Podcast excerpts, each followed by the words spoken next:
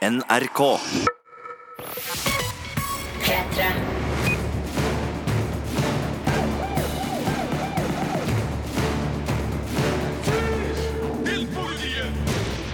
Og ja da, det er klart for en ny podkast fra Filmpolitiet i dag med Sigurd? og Birger. Og i dag har vi sett mye bra på både film- og seriefronten. Ja, stort sett bra, i hvert fall. Jeg har sett en eh, ganske ålreit kinofilm som heter Tulip Fever, som er et slags kostymehistorisk dramakomedie. Ja, jeg har sett Detroit, Catherine Bigelows uh, raseopptøysdrama med handling fra 1967. Ja, og jeg har sett David Lynch-filmen David Lynch The Art Life, som er en kul dokumentar hvis du digger David Lynch, og så er det jo også ekstra artig når det gjelder eh, Twin Peaks, da, som går for tida. Jeg har sett 47 Meters Down, som er en haitriller, samt Biler 3, som er den nye Pixar-filmen. Og så har vi jo sett Game of Thrones på mandagen. Sesongavslutninga den skal vi selvsagt snakke av. Og så var vi jo inne på Twin Peaks her, fordi Twin Peaks begeistrer både meg og deg for tida, Birger. Absolutt. Og på tampen av denne podkasten så blir det ikke spoilerfri sone, for da skal vi ta en god prat om noe som var så fantastisk, og som vi har venta så lenge på, og som skjedde i Twin Peaks denne uka. Men først skal det handle om premierefilmen Detroit. Filmpolitiet anmelder film. It's a war zone out there. They're destroying the city. Whoa, hey, y'all seen this? Hey, look, we're not too far from the Algiers. Let's just go there till all this blows over. Detroit er regissert av Catherine Bigelow, en regissør vi har stor sans for her i Filmpolitiet, Sigurd. Det må kunne sies, for hun laga jo en av min barndoms absolutt favorittfilmer, nemlig surfe slash FBI slash adrenalinkultfilmen Point Break med Patrick Swayze og Keanu Reeves. Ja, vi, En- vi glemmer remaken som kom for noen år siden. Ja, Tobias Santelmann, sorry. Eh, Du gjorde en ålreit jobb, men remaken av Point Break fra i fjor var ganske eh, ræv. Men eh, den originale Point Break har sørga for at Catherine Bigelow i mitt hjerte surfer hele dagen lang. Hun har også laga filmer som The Hurt Locker, Zero Dark 30, og ikke glem debutfilmen, en eh, veldig underkjent moderne vampyrhistorie som heter Near Dark. Så eh, se den hvis du kan. Men nå er det altså Detroit som har premiere i dag. Og den har jeg sett. Den tar utgangspunkt i en svært alvorlig hendelse i Detroit i 1967, midt under raseopptøya som foregikk den sommeren, der eh, politiet inntar et eh, hotell eh, på jakt etter en mistenkt snikskytter. Og vi følger da eh, figurene eh, som både er gjester, og de som da er politi og soldater, eh, og en situasjon som etter hvert eskalerer til en kamp om liv og død, egentlig. Så det her er en, en sterk film med klare paralleller til nåtida, for motsetninga mellom hvite og svarte i USA, det er noe vi kjenner igjen fra, fra, fra, vår tid. Ja, og du kan jo ikke si raseopptøyer raseopptøya på en måte uten at det er en slags aim av rasisme under, vil jeg tro. Altså, hva, hva, hva ligger motsetningsforholdene i i eh, denne filmen? Altså, Det går på hvordan de hvite, velmenende eh, ser på den svarte befolkninga, som eh, jo da eh, føler seg trua til enhver tid. Det er en figur i filmen som sier at det å være svart i USA eh, er som å ha en pistol retta mot eh, hodet til enhver tid. Eh, så jeg så på, på nett noen kalte kalt det her racism 101 for white people, altså en innføring i, i hvordan rasisme kan arte seg da for USAs sorte befolkning. Jeg synes jo det her er spennende, fordi eh, i fjor spesielt så fikk vi veldig mye på Los Angeles i rasehistorie gjennom f.eks. for eksempel store bautaserier som do, eh, True Crime-dokuen Made in America, som handla om OJ Simpson, men som egentlig var en reise i Los Angeles og LAPD sin ganske brutale og ofte da rasistisk motiverte holdning overfor eh, byens svarte befolkning, og da spesielt i South Central. Og det har også vært mer rundt OJ, og det har også vært mer rundt eh, Baltimore eh, i, i Netflix-serien serien um, uh, og hva heter den igjen? The Keepers, som også har true crime. Men hos, når Detroit trekkes inn i det her, hvordan føler du det, det slår deg som, som en historie basert på, på virkelige hendelser? Ja, altså Det er basert på virkelige hendelser, og noen av de som var involvert, har vært med under innspillinga som konsulenter. Eh, nå eh, har nok filmen tatt seg noen kunstneriske friheter i eh, historiefortellinga, men eh, atmosfæren eh, virker veldig troverdig. Du blir transportert tilbake til 1967, og den her trykkende atmosfæren skapes veldig effektivt, der du jo føler frykten som eh, de sorte figurene i filmen har overfor de eh, hvite lovmennene som kommer inn i bildet. Eh, Og mm, på den ene sida finner vi blant annet Anthony Mackie i rollen som en Vietnam-veteran. På den andre sida finner du blant andre Will Polter som en skyteglad rasistpurk, og John Boyega, kjent fra Star Wars, som en sikkerhetsvakt som blandes inn i det her. Så dette er et eh, sterkt drama. Eh, Det jeg har å utsette på det, er at eh, frontene blir veldig karikerte på en måte. Altså, et slags svart-hvitt uh, Bokstavelig talt, altså. um, På den ene sida har du veldig gode, uskyldige mennesker, på den andre sida har du et ekstremt onde, fæle folk. Kanskje var det sånn, eh, men eh, litt unyansert i skildringa der. Og så har filmen et etterspill som er altfor langt. Eh, eh, Sånn at Detroit, veldig severdig. Eh, Og så har jeg vært litt streng eh, på terningen. Terningkast fire. Filmpolitiet.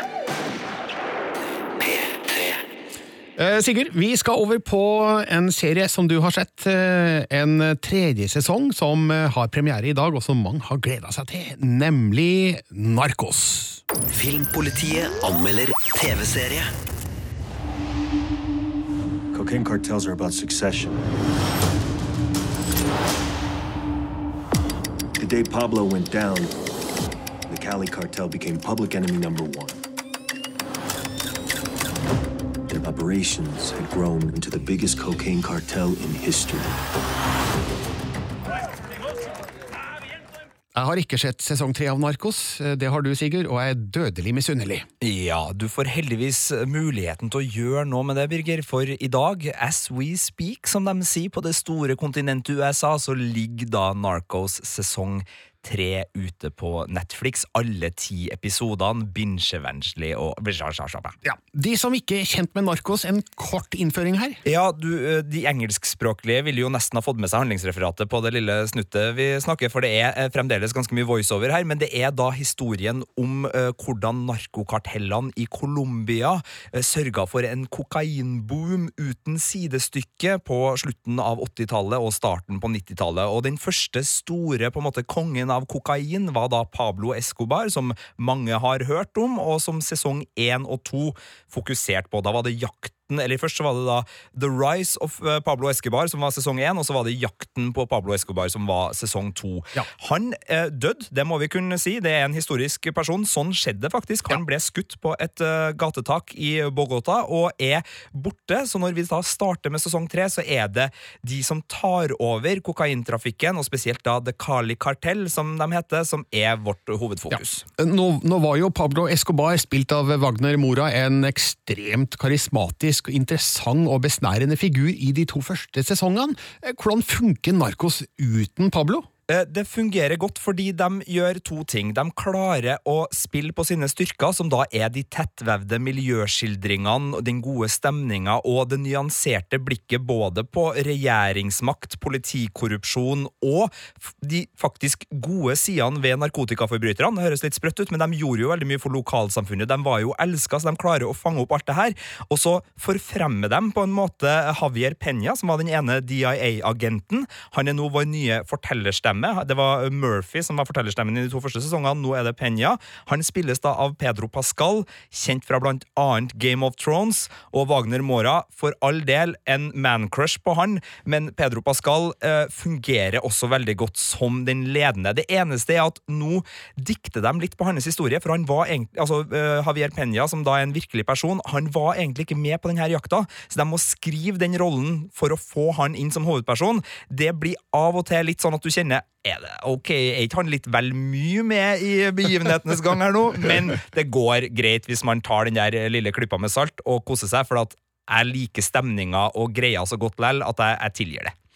Jeg er litt syk i hodet. Jeg elsker filmvold og serievold. Er det like voldsomt i Narkos sesong tre som i de to første? Det er, la meg si, den tredje godbiten her, for det er en del scener som jeg tror Quentin Tarantino sjølveste ville ha nikka anerkjennende til, spesielt Pacho Herrera, som vi har møtt litt i sesong 1 og 2. Han er homofil, og han er en trussel seksuelt for det macho-latinamerikanske. Det bruker han til full effekt i noen nydelige hevnsekvenser du kommer til å rives i stykker av, bokstavelig talt. Og så er det også New York med denne gangen. Der er det kult. Narkos sesong tre har premiere på Netflix i dag. Eh, Sigurd, du gir. Terningkast fem. P3. Filmpolitiet anmelder film. In those days, my world was no bigger than a couple of blocks. Huge worlds are in those two blocks. Fantastic dreams, big love. Det her var stemmen til David Lynch, regissøren av Twin Peaks, eh, Blue Velvet, Wild at Heart og flere andre ting som eh, mange setter stor pris på. Han har blitt litt av en, skal vi kalle han kulthelt i filmverden, Sigurd? Det syns jeg vi skal. Han er vel en av de nålevende og produktive regissørene som har mest på en måte mytologi rundt seg og sin verden. Altså Det er mange gode filmskapere der ute. Tim Burton, Christopher Nolan, Tarantino. Vi snakka jo om Kathleen Bigelow her i stad.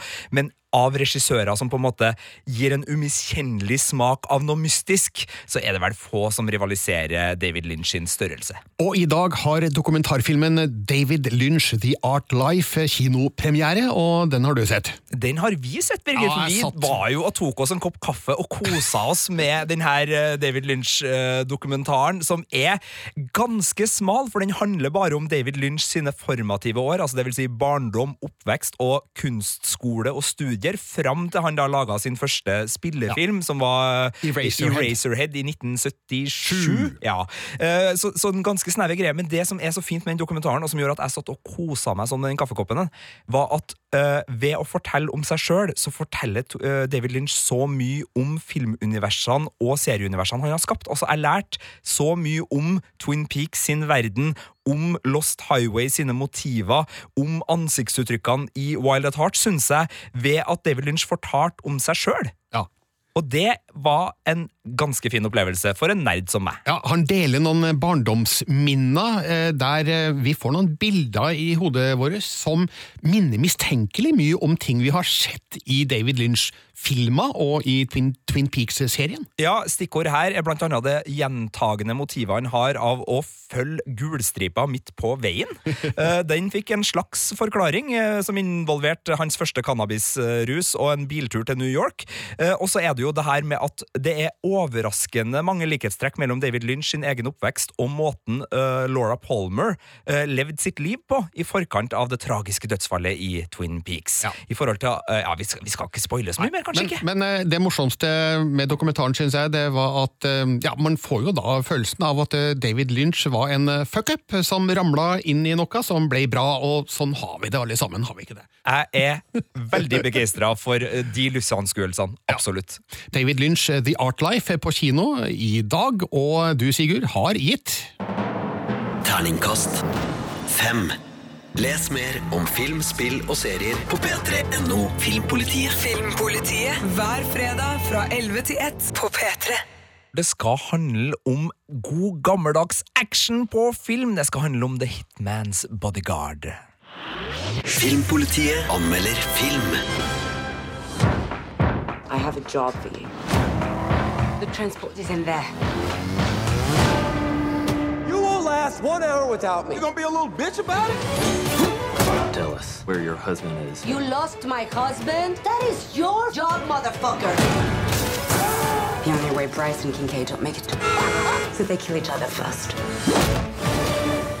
Du sa god gammeldags actionkomedie, Sigurd, men har du sett The Hitman's Bodyguard? Nei, men altså, det er jo Samuel L. Jackson og Ryan Reynolds, og vi hørte jo at de hadde sånne vitser som You lost my husband. Ja, Salma Eh, Hayek var det som sa det. ikke sant? Så det her må jo være, i hvert fall De er gamle, de som er med i filmen, da. Ja, Men det er jeg som har sett The Hitman's Ja. Bodyguard. Og jeg kan si at jeg elsker dårlig actionfilm, altså, altså filmene som beveger seg i B-landskapet, og som gjerne har Steven Seagal eller Jean-Claude Van Damme i hovedrollene. Og her eh, river seg mellom eh, gleden av å se en dum actionfilm på kino, og irritasjonen over at den ikke er litt bedre. For burde ikke en film med Ryan Reynolds og Samuel L. Jackson ha veldig bra eksplosjoner? Det burde den absolutt. Altså, øh, Hvis du først bruker penger på så kjente skuespillere til det som ja, på, etter alle øh, vannmerker er da en slags B-filmproduksjon, så burde du også ha penger til å sørge for at den får spille på B-filmens styrker, som da er gladvold, action, eksplosjoner og, det som er artig. Den har veldig mye gladvold, den, den har det, men eksplosjonene er så utrolig digitale og fake og lite troverdige i den forstand at noen eksplosjoner i actionfilm er troverdige, og så hvert kulesplett i filmen, eh, når folk blir skutt, som skjer veldig ofte, er åpenbart digitale. Altså, det er ikke sånne saftige kulehøl som du fikk på 80-tallet, med sånne små eh, ladninger med blodposer under klærne til folk. Det er digitalt, alt. Og det skuffer meg veldig, for det gir et veldig sånn billig preg, og eh, det kler ikke denne eh, filmen. Men det den har, er jo Reynolds og Jackson, som det aldri blir direkte feil å tilbringe et par timer sammen med. Og vel, de, de har det ganske gøy i sine roller, sjøl om historien er ganske konvensjonell og følger den herre ja, buddy cop-sjangeren til punkt og prikke, bare at det ikke er buddy cop, men buddy hitman slash bodyguard-film, da. Ja, for da, da kan man jo få de der moralske kvalene. Altså, Er de ordentlige helter hvis de er på en måte eh, assassins eller hitmen? Det, det, det, det stilles ingen moralske spørsmål i The Hitman's Bodyguard, eh, Sigurd. Det her er en blått til lyst-film som jeg tror passer aller best når du sitter i sofaen fredag kveld med en pils og pizza, eller brus og pizza, hvis man er under 18, selvfølgelig. Ehm, på kino, ja, altså, det skal nok ikke, du skal nok ikke se bort ifra at eh, folk vil la seg underholde, og jeg ble også underholdt, men jeg syns at eh, filmen mangler det siste lille som hever den opp i eh, ja, Die Hard-klassen, da, som er langt over det The Hitman's Bodyguard eh, har nådd. Da tar jeg også pre-ordre den på hjemmekinomarkedet, og så tar jeg og bestiller en bacon cheese og en 1,5 liter med brus. Gjør det mens jeg gir Terningkast tre. Les mer om film, spill og serier på p3.no Filmpolitiet.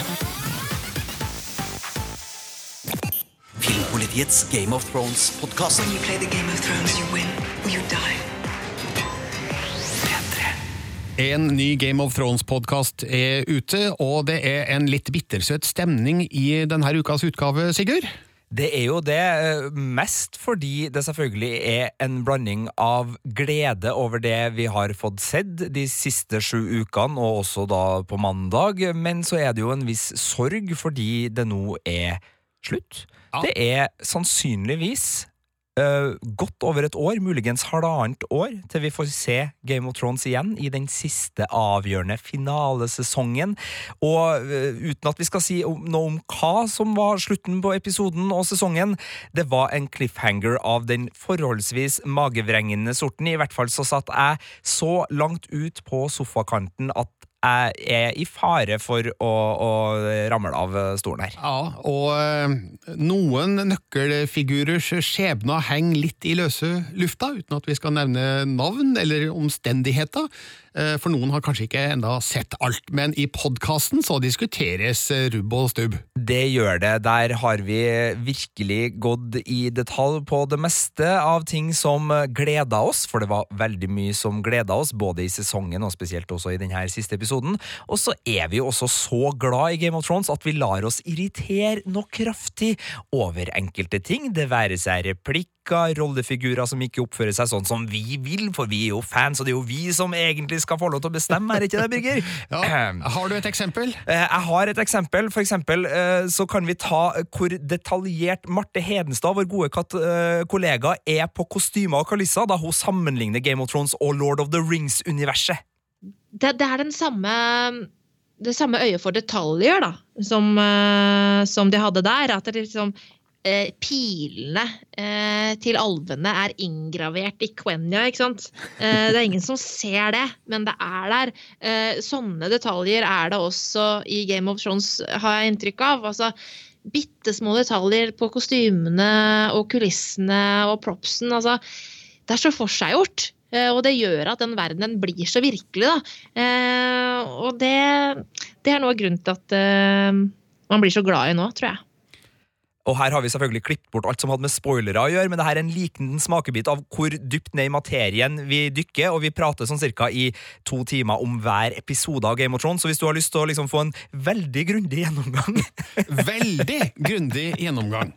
så er Filmpolitiets Godtpod absolutt sted å være. Og det er ikke ferdig, det kommer flere episoder for vi må snakke enda mer om det her. Så øh, sjekk ut ukas episode, og gled deg til neste ukes episode. Og da skal vi snakke om hele sesongen og ta imot lytterspørsmål. Gjør som Kristoffer Hivju. Han fortalte jo på Godtepod-spesialen at han pleide å vaske huset mens han hørte på Godtepodden. Vi gjør gjerne gode ting for folk, så hvis vi kan bidra til en, et uh, renere husmiljø, så helt greit det. Men du kan gjøre andre ting òg. P3. Nå skal vi ta en titt på ting som skjer i filmens verden som interesserer oss, eh, og ikke bare filmens verden, men serieverden nå, Sigurd. Ja, vi må dit, og det starter med en eh, som merger de to verdenene til gangs, og nå må du muligens hjelpe meg litt med uttale på navn her, Birger. For skuespillerinne og modell Cara Delevingne Ja, si noe sånt, det er jo Car Cara Delevingne. Ja, Sist sett i Valerian-filmen, som du så på kino her forleden. Ja, slett ikke verst. Og også kjent fra alt fra Peter Pan til Hun var vel også med i Tulip Fever, som har kinopremiere i dag, og en aktiv eh, dame. Hun skal nå til TV-skjermen til en serie som jeg gleder meg veldig til. Det er nemlig serien Carnival Row, som er en neoviktoriansk fantasy-serie som skal komme på Amazon Prime neste år. Ok, eh, Neo-Victorian. Ja, Forklar. Jeg vet jo ikke så veldig mye, bortsett fra at det skal handle om ø, overnaturlige, mytiske skapninger som har flykta fra et ø, krigsherja hjemland og samla seg i en by. Men neoviktoriansk for meg betyr vel litt sånn der post Tim Burtonsk, hvis du skjønner. Altså At det er litt sånn gotisk og har noen sånne uh, kostymekvaliteter som gjør at det føles litt som ø, Storbritannia på, på 1700-1800-tallet, Ja. men uh, da vil fungere bra her. Og uh, hun skal spille, hør, hør da, rollefiguren Vignette Stonemoss. Det høres jo neoviktoriansk ut, gjør ikke det, Birger? Det gjør det, og hun skal spille mot ingen ringer enn Orlando Bloom. Artig at du sa ringer, for han er jo kjent fra Ringenes herre, som også er et slags fantasyverk som vi er veldig glad i. Ja, Det tenkte ikke jeg på nå. Jeg har eh, litt trua på den her. Altså 2019, Amazon. Det her kan bli bra når selveste Carnival Row kommer. Må man abonnere på Amazon Prime nå? Kanskje må man det etter hvert. Ja, det begynner å bli bedre og bedre, i hvert fall. Eh, En annen serie som man kanskje knytter en del forventninger til, er den tredje sesongen av eh, True Detective. Ja. Og nei, fordi jeg må ærlig innrømme, jeg har ikke gidda å se sesong to av True Detective ennå. Eh, Ikke jeg heller. Men sesong én var jo bra, eh, helt fram til siste episoden. I hvert fall. Ja. Men nei da, True Detective eh, får sin tredje sesong. Det er mange der ute som digger denne serien. Vi skal ikke være uh, snurpete og, og besserwissere på noe som helst vis. Eh, den skal settes, merkelig nok, til Ozark, som er da det her innsjø, innlands USA-opplegget, hvor det også har foregått en Netflix-serie ved navn Ozark nå. Så det er jo litt speisa. Ja, Skal de kobles inn i hverandre på et vis? Jeg kan ikke se for meg at det finnes penger til å gjøre, men eh, det er i hvert fall samme plassen. Det er litt som å legge noe til Twin Peaks, selv om Twin Peaks ikke er Twin Peaks. Ja, ja. Nok om det. Eh, Og så har hovedpersonen blitt klar. Det er da Mahershala Ali, som er kjent fra Luke Cage, blant annet, der han spilte eh, skurk, og en skuespiller jeg liker veldig godt. Ja, og han eh, var jo ekstremt god i eh, Oscar-vinneren eh, Moonlight. Det var han. Eh, Skal vi rekke en liten sånn eh, 90-talls filmnyhet på tampen? Let's do it. Eh, Keanu Reeves, kjent fra filmer som Matrix, Point Break, som vi har snakka om før her, og- John Wick-filmene, ikke minst, som eh, turer og går nå, skal spille i en romkom. En romkom mot Venonna Ryder. Kjent fra annet Stranger Things og en bøtte med 90-tallsfilmer. Uh, filmen skal hete uh, Destination Wedding. Jeg trodde romkommen var død, Birger. Jeg trodde Eh. den forsvant med eh, Juliette, uh, altså Julia Roberts og, og hun godeste øh, hva hva heter hun, da? Jeg vet ikke hvor du skal Nei, nå. du vet jo ikke. Jeg Nei. vet jo ikke sjøl. Ja, okay. jeg trodde den var død. Ok, ja, Er det kanskje 90-tallsnostalgien de skal prøve å treffe her? Det er jo i så fall veldig Hva het hun som spilte i Speed? Eh, Sandra Bullock? Sandra Bullock var den andre dama. Ja, jeg trodde nemlig. Sandra Bullock og Julia Roberts tok med seg romkommen på et skip og bare sank den. Tydeligvis ikke, men uh, Keanu Reeves, uh, sebar fremdeles. Win Winona Ryder, Rider fremdeles severdig. Så skal vi gi den en sjanse før vi dømmer det nord og ned. ok, da. Filmpolitiet anmelder film.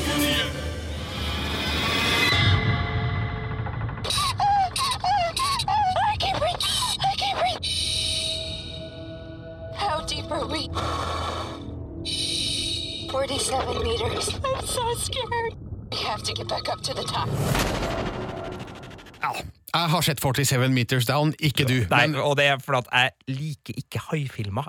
Altså, Haisommer er, har veldig godt soundtrack. Ja. Kjempesoundtrack på Haisommer, og, og en flott hai, men jeg liker ikke haifilmer. Men du, du er litt glad i sjangeren sånn i utgangspunktet, eller? Ja, altså, det går jo ikke an å ikke like Haisommer. Du, du, du, du, Ja, er det fordi- er det fordi ja. du er redd for hai? Ja? Jeg er eh, redd for hai. Og så- det er et eller annet med at den haien kommer altså, Det er ikke noe koselig å sitte i en kinosal når det som skjer på skjermen, kommer liksom nedenfra og opp. Det er et eller annet sånn her som bare ah, Jeg vil mye heller være i spøkelseshus enn i eh, svømmehallen. Nå De siste åra har jo haifilmen fått en slags renessanse, annet med Sharknado-filmene, som jeg ikke har sett noen av. Nei, det er Tara Reid som holder på med noe ganske Altså, det er ikke B-film, det er sånn DE-film, men det er i hvert fall orkaner med uh, hai i. Ja, I fjor kom The Shallows, som eh, var rimelig bra. Det var en del skvetting der, og eh, en del stilige ideer. Og nå i dag er det premiere på 47 Meters Down, som er en eh, enkel liten thriller med en ikke veldig komplisert historie, men den, den gjør da jobben sånn middels godt. Er det, altså, er det en ren skremmefilm, eller har den en historie her som er Altså, drivende? De, de, de prøver seg da med en slags forhistorie om to søstre som eh, drar på ferie, hvorav den ene kommer eh, fra et forhold eh, i oppbrudd og ja, må liksom bli litt tøffere da, for å bevise for sin eh, snart ekskjæreste at eh, hun er litt eh, mer morsom da, enn eh, forholdet kan tyde på. Og så blir hun med søstera på haisafari. De senkes ned i et bur eh, fem meter under en båt, og så ryker selvfølgelig vaieren. Gjett hvor dypt buret synker.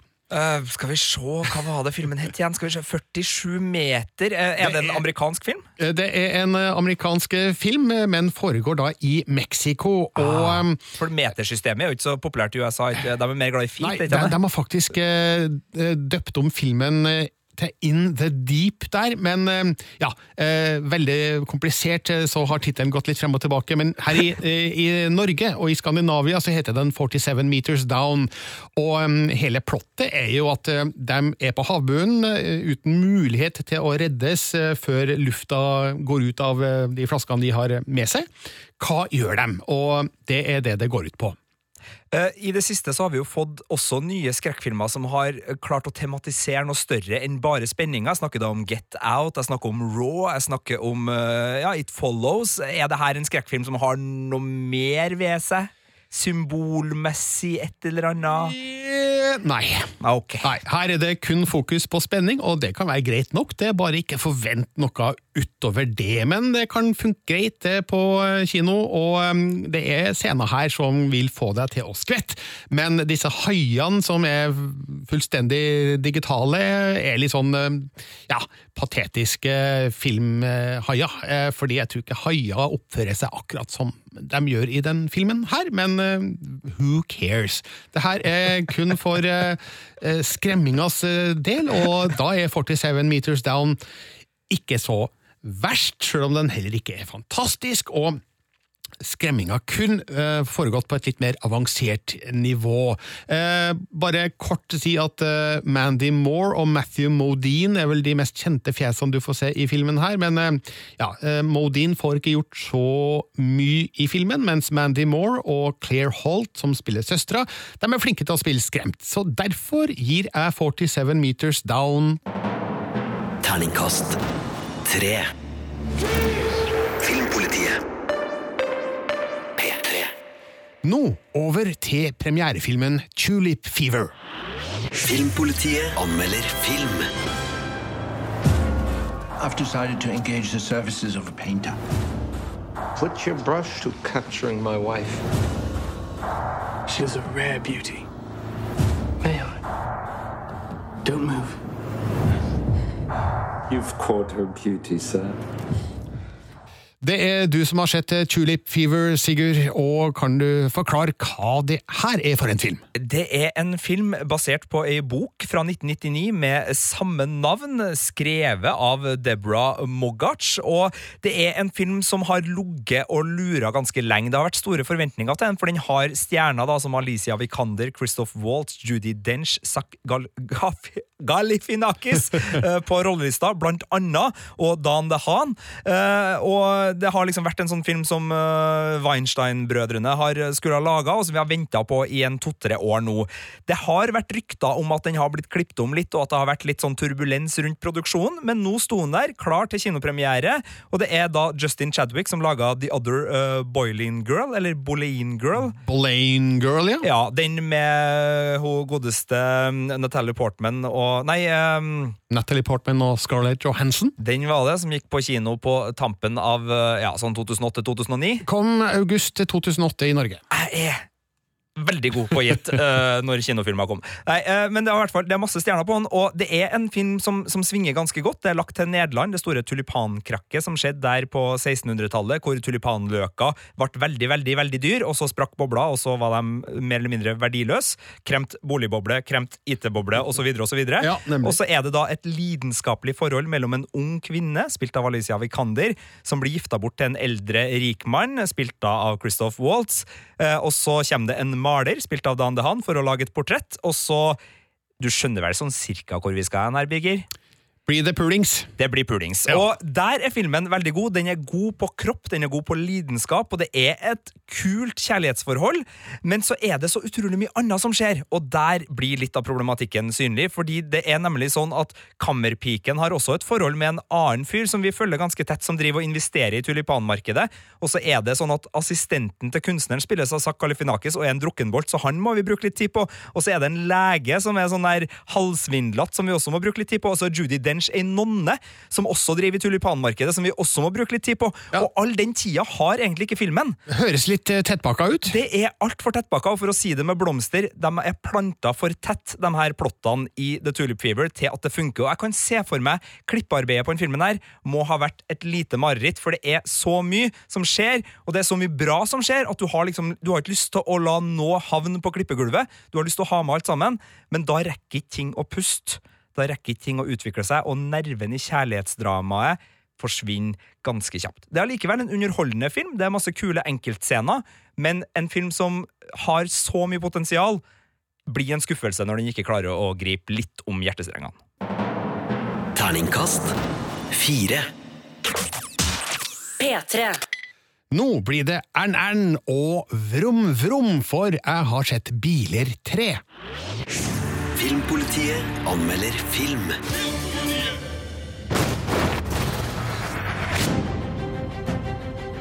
Vi håper at ikke løpet i dag blir hans siste. Jeg bestemmer når jeg er ferdig.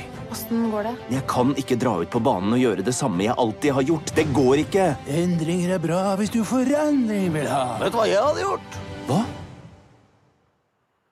Jeg veit ikke. Du er nok den personen jeg kjenner, Birger, som er mest glad i bilfilm, bilaction, bilspill og bil eh, generelt. Eh, så når du da eh, fær og ser eh, Pixars animasjonsfilm Biler 3, eh, hvordan er det for deg som er såpass bilglad? Nei, altså, jeg har jo gått til alle de her tre bilerfilmene med forventninger om høy fart og spektakulære krasj, og så er det kanskje ikke den typen eh, filmserie, det her. Altså Days of Thunder er jo kanskje bilfilmens eh, Citizen Kane, eh, sammen med The Blues Brothers og um, Ja, Du må nesten si Cannonball Run snart nå, hvis ikke så må jeg rusle ut av studio her. Det var det neste jeg skulle si. Jeg skulle Ja, si Cannonball Run. Og Smoke and the Bandit. Ja, Vi kan godt ta med Smoke Ja, and the Bandit. ja. Den har jeg for øvrig ikke sett siden jeg så den på beta tidlig på 1980-tallet. Vil du ha en fun fact om uh, Smokey and the Bandit? Har alltid en fun fact om Smokey and the Bandit. Den filmen som var nærmest å nå kinotoppen i USA i 1977, da Star Wars A New Hope trona øverst, var selvfølgelig Burt Reynolds og Smokey and the Bandit. Eh, Bare, jeg må arrestere deg der, eh, Star Wars het ikke A New Hope i 1977. Nei. Den het bare Star Wars. Det var først senere at den fikk A New Hope som undertittel. Ja, Du er vis og veldig god på film, og, Og- veldig god på bilfilm. Fortsett. og litt, eh, litt lei tendens til å liksom påpeke feil som andre gjør. Jeg beklager det. Jeg elsker deg for det, Birger. Ok, men det er bra. Eh, biler 3, ja. Eh, nå var, var det slik at jeg likte ikke Biler 2 så godt, fordi den mista litt av hjertelaget fra eh, film nummer 1, og så var det flere av figurene som hadde munndiaré. Prate, prate, prate, prat. Veldig hektisk tempo på filmen. Eh, Veldig actionfylt, og jeg merker jo det på min yngste sønn at han digga jo Biler i to, mens jeg syns det ble for mye mas. Og det er noe sånn alderskrasj der, kanskje, men Biler 3 prøver å finne litt tilbake til stemninga og atmosfæren fra den første Biler-filmen, der historien gis tid til å puste litt, og eh, Lynet McQueen, som er da helten fra Biler-filmene, eh, får et, eh, et dilemma som eh, flere kan kjenne seg igjen i, for det handler da om en veteran som blir utfordra av eh, nye spreker og mer moderne mm, oppkomlinger, og så utsettes Lynet McQueen for en ulykke som setter neste sesong i fare.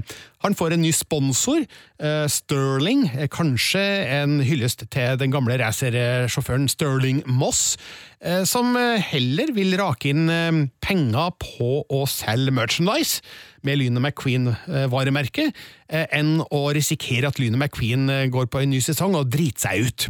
Men han får én sjanse i det første løpet til å bevise at han har noe å gjøre fremdeles i eh, mesterskapssammenheng, og må da ut eh, på landeveien for å prøve å finne ut hvordan han skal trene seg opp da på best mulig måte til å møte den nye eh, konkurransen fra de unge spreke. Jeg blir jo uh, veldig spent, fordi jeg er også glad i bilfilm, selv om jeg ikke er på, på ditt nivå. Og en film vi glemte i all oppramsningsiveren her, er jo typ Flåklypa. Fordi det er noe med gode bilfilmer som klarer å skape spenning i det avgjørende løpet. Det elsker jeg. også sånn her, Hvordan kan de eventuelt klare å komme seg forbi i siste Ja, sving? Eller noe sånt. Er, det, er det spenning i løp i Biler 3? Ja, til en viss grad, men bare en viss eh, grad, fordi altså, kjensgjerningen er jo, som jeg har sagt før, at ingen slår Flåklypa Grand Prix på racingspenning. Eh, det var et eller annet eh, spesielt de fikk til der, altså som ingen har greid å kopiere. Eller kanskje er det nostalgien som snakker her, jeg er litt usikker på det. Men eh, Biler 3 er ikke noe Flåklypa Grand Prix i racing-sammenheng. Men den har strålende animasjon. Pixar er jo eksperter på det her, og det er detaljrikt og strømlinjeforma, og eh, jo da, det er nok av fart og spenning i løpssekvensene. Uten at det er det som er fokuset. altså Hele greia med biluniverset er jo å underholde dem som er rundt fem, seks, sju år. Og da er det ikke nødvendigvis eh, fartssekvenser som slår aller best an. Så fokuset er på figurene, eh, på bilene, eh, og Eh, jeg tror at eh, ungene kommer til å like det her, samtidig som foreldrene vil kunne eh, ja, ha litt eh, underholdningsverdi av eh, de, konfliktene som eh, figurene har i det her universet. Da mest med tanke på Lynet McQueen, da, som begynner å føle seg utdatert, og er nødt til å gjøre noe for å møte konkurransen, og for å bevise at han ikke har gått ut på dato tross alt. Derfor syns jeg at Biler 3 fortjener en eh, firer på terningen, men eh, for min del så kan det godt være punktum for biler-universet nå. Terningkast fire. Les mer om film, spill og serier på p3.no Filmpolitiet. Filmpolitiet hver fredag fra 11 til 1 på P3.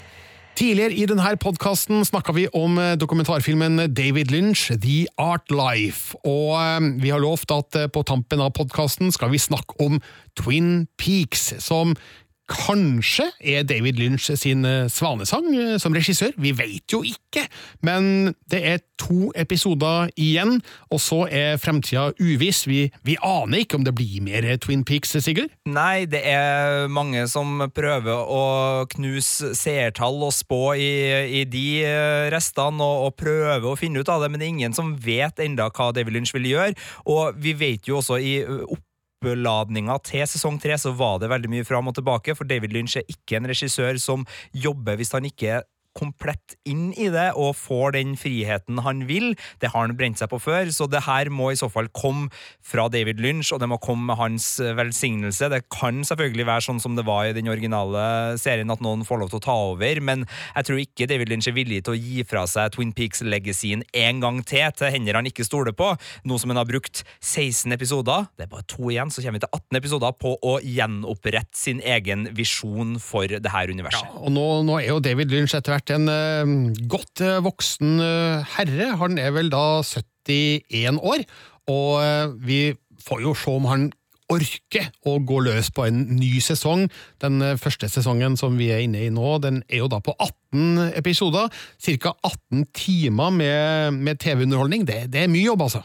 Ja da, og det er klart, det blir jo litt lettere når du kan bruke en åtte-ni minutter på en mann som sitter og leser i radioen og snakker om hester og, og sånne ting. Nei da, nå fleiper jeg, men dere som har sett det her, dere, dere vet jo. Og, no, og, herfra ut så kan vi bare si fra. Vi kommer til å spoile eh, ting fra Twin Peaks-sesongen, så hvis du ikke er oppdatert, så, så, er det ikke trygt å være med videre. Men hvis du er à jour på Twin Peaks, så bli gjerne med oss videre nå, for nå må vi jo snakke om den episoden som var på mandag, Birger. Ja, vi må det. Fordi da Twin Peaks The Return dro i gang, så viste det seg jo at Dale Cooper, spilt av Kyle MacLachlan, han kom tilbake til denne verden fra et mystisk sted i en litt annerledes form. Ja, det har jo vært flere Coopers. altså Man snakker jo mye om doppelgangers i det her universet. Fascinerende konsept. Og den Dale Cooper, eller altså den Cooperen som har vært nærmest den gamle Cooperen, har da vært Doggy. En litt tjukk forretningsmann som jobber i forsikringsbransjen, og som har en kone som er veldig glad i ham, og en sønn som har et veldig fint navn, Sonny Jim.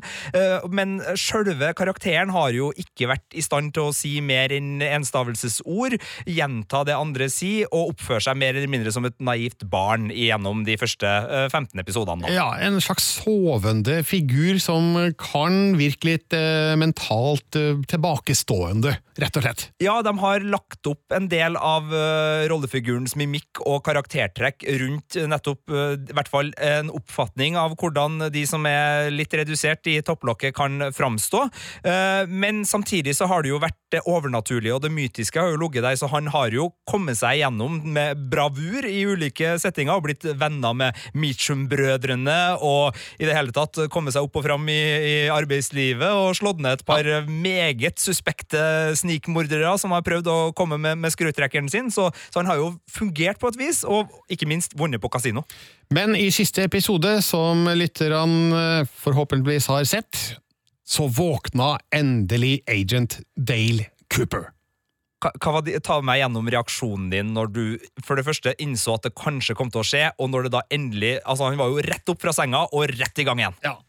Eh, ekstatisk glede, fordi i episode etter episode etter episode så har vi sett sånne situasjoner der vi tenker at ja, nå skjer det! Nå skjer det! Og så har det ikke skjedd.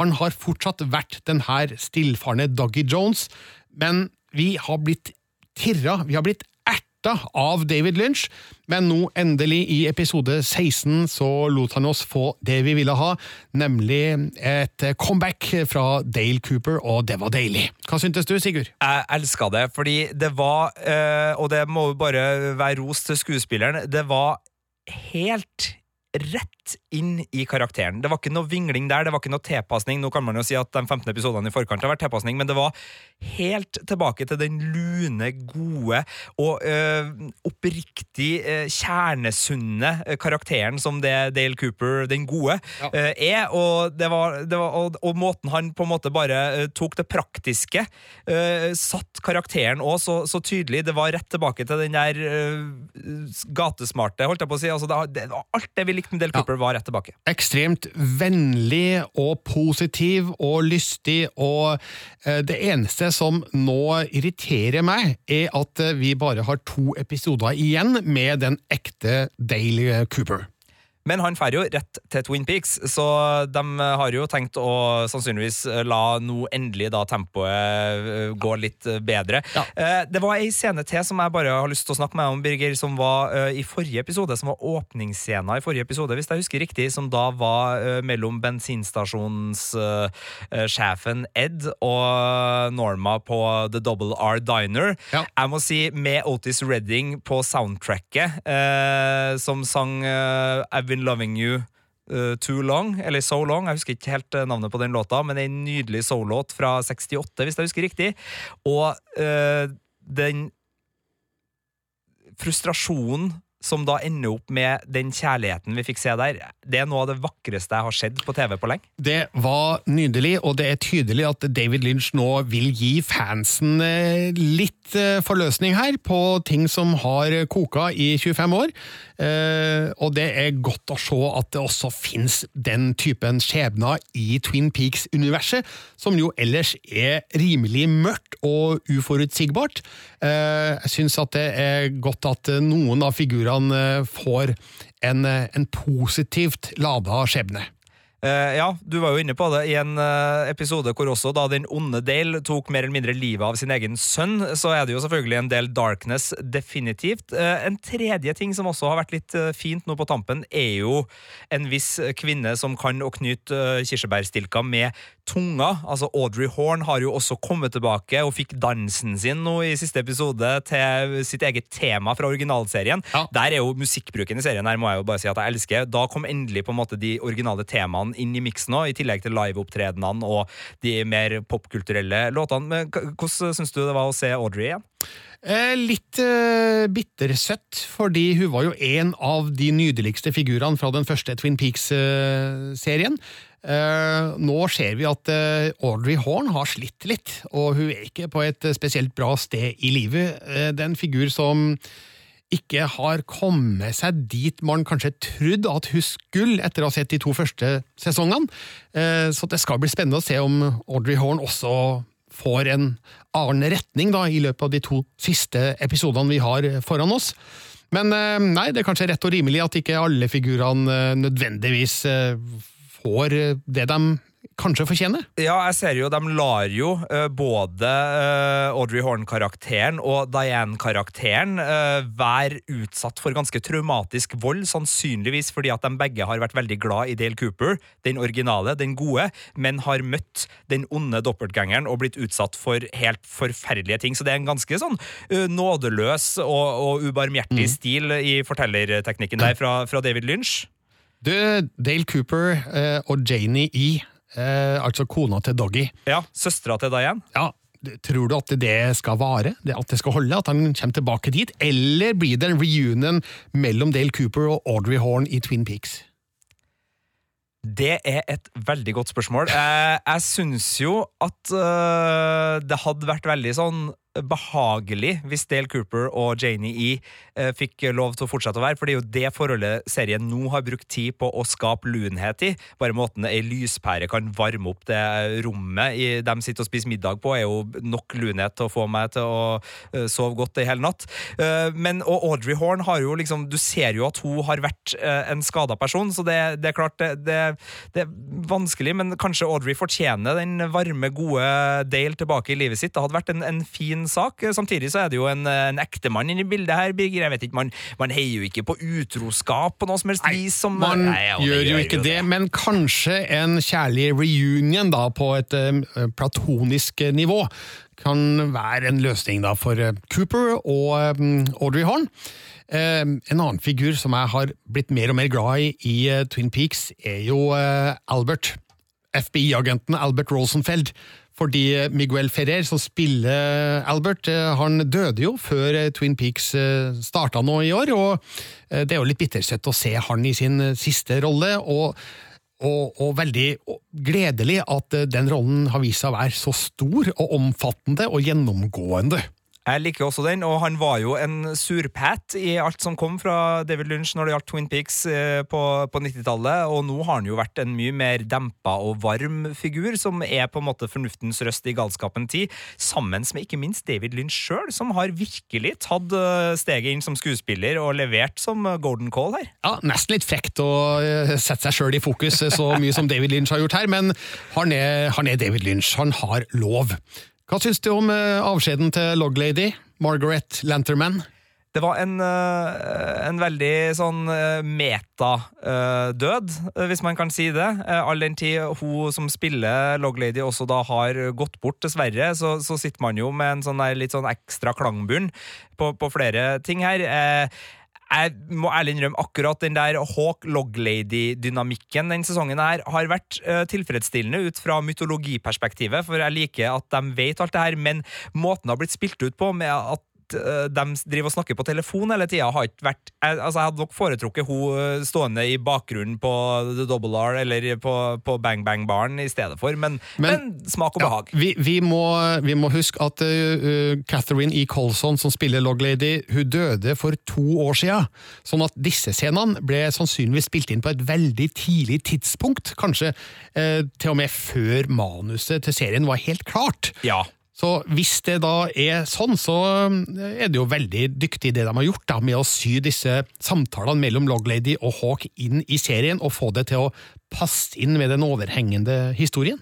Ja, det virker som David Lynch har hatt en veldig sånn klar plan om hvor han skal til slutt uh, med historien her, og han har jo også sagt at uh, scener blir i liten grad spilt inn flere ganger. Det er et opplegg han har uh, sett for seg, og det er tydelig, altså han, han har jo et arsenal av folk som er drivende gode skuespillere med seg her. Belushi er med, han har og det ekteparet som nå ble pepra med pistoler i siste episode, med Ja, Tim Roth. og... Jeg, jeg får bare lyst til å si dem fra Pulp Fiction, men det er jo Ja. ikke helt riktig, Nei, det heller. Helt riktig, men det er da Å, hva heter hun nydelige Jennifer Jason Lee Takk. og, fra, og, og Tim Roth. ja, Senest fra Hateful Eight, eh, også kjent fra uh, min favoritt high school-film, som da er Fast Times at Richmond High. Ja, Og fra starten av Pulp Fiction. Det er også så. Men, um, men altså, han har jo veldig mange gode skuespillere som han kan krydre med, så jeg ser for meg at han har på en måte laga rammeverket eh, tidlig, og så har han hatt muligheten til å utbrodere og gjøre det eh, mer i sin eget eh, ånd eh, etter hvert som eh, For han har vel holdt på med det fram til ganske nære at det var eh, start nå i april. Nå er det to episoder igjen altså av eh, Twin Peaks The Return, og gudene vet om det blir mer, men eh, sånn som jeg opplever det nå, så er det her et så stort og rikt og morsomt skråstrek interessant, skråstrekt absurd un univers, at det ville nesten være for ille at vi ikke får mer derfra. Men eh, det vil være opp til David Lynch, vi får se, men én ting er sikkert, Dale Cooper er tilbake, og han kan vi se mer av. Det kan vi, og jeg vil jo også kunne si at uh, vi var spent på om det her skulle funke. Hadde Twin Peaks-universet en plass i peak TV 2017-verden? Det syns jeg de har bevist at de kan. Jeg syns det er en av årets mest vellykka uh, serier. Definitivt det mest vellykka seriecomebacket av alle som vi har fått, med X-Files og MacGyver og gudene vet. Og uh, absolutt eh, David Lynch kan TV-formatet fremdeles. Filmpolitiet. P3. Med det er denne podkasten fra Filmpolitiet over. I studio i dag Sigurd Vik. og Birger Vestmo. Neste uke er også Marte Hedenstad tilbake, og da håper vi du laster ned enda en gang og hører på. Du finner flere podkaster på p3.no podkast.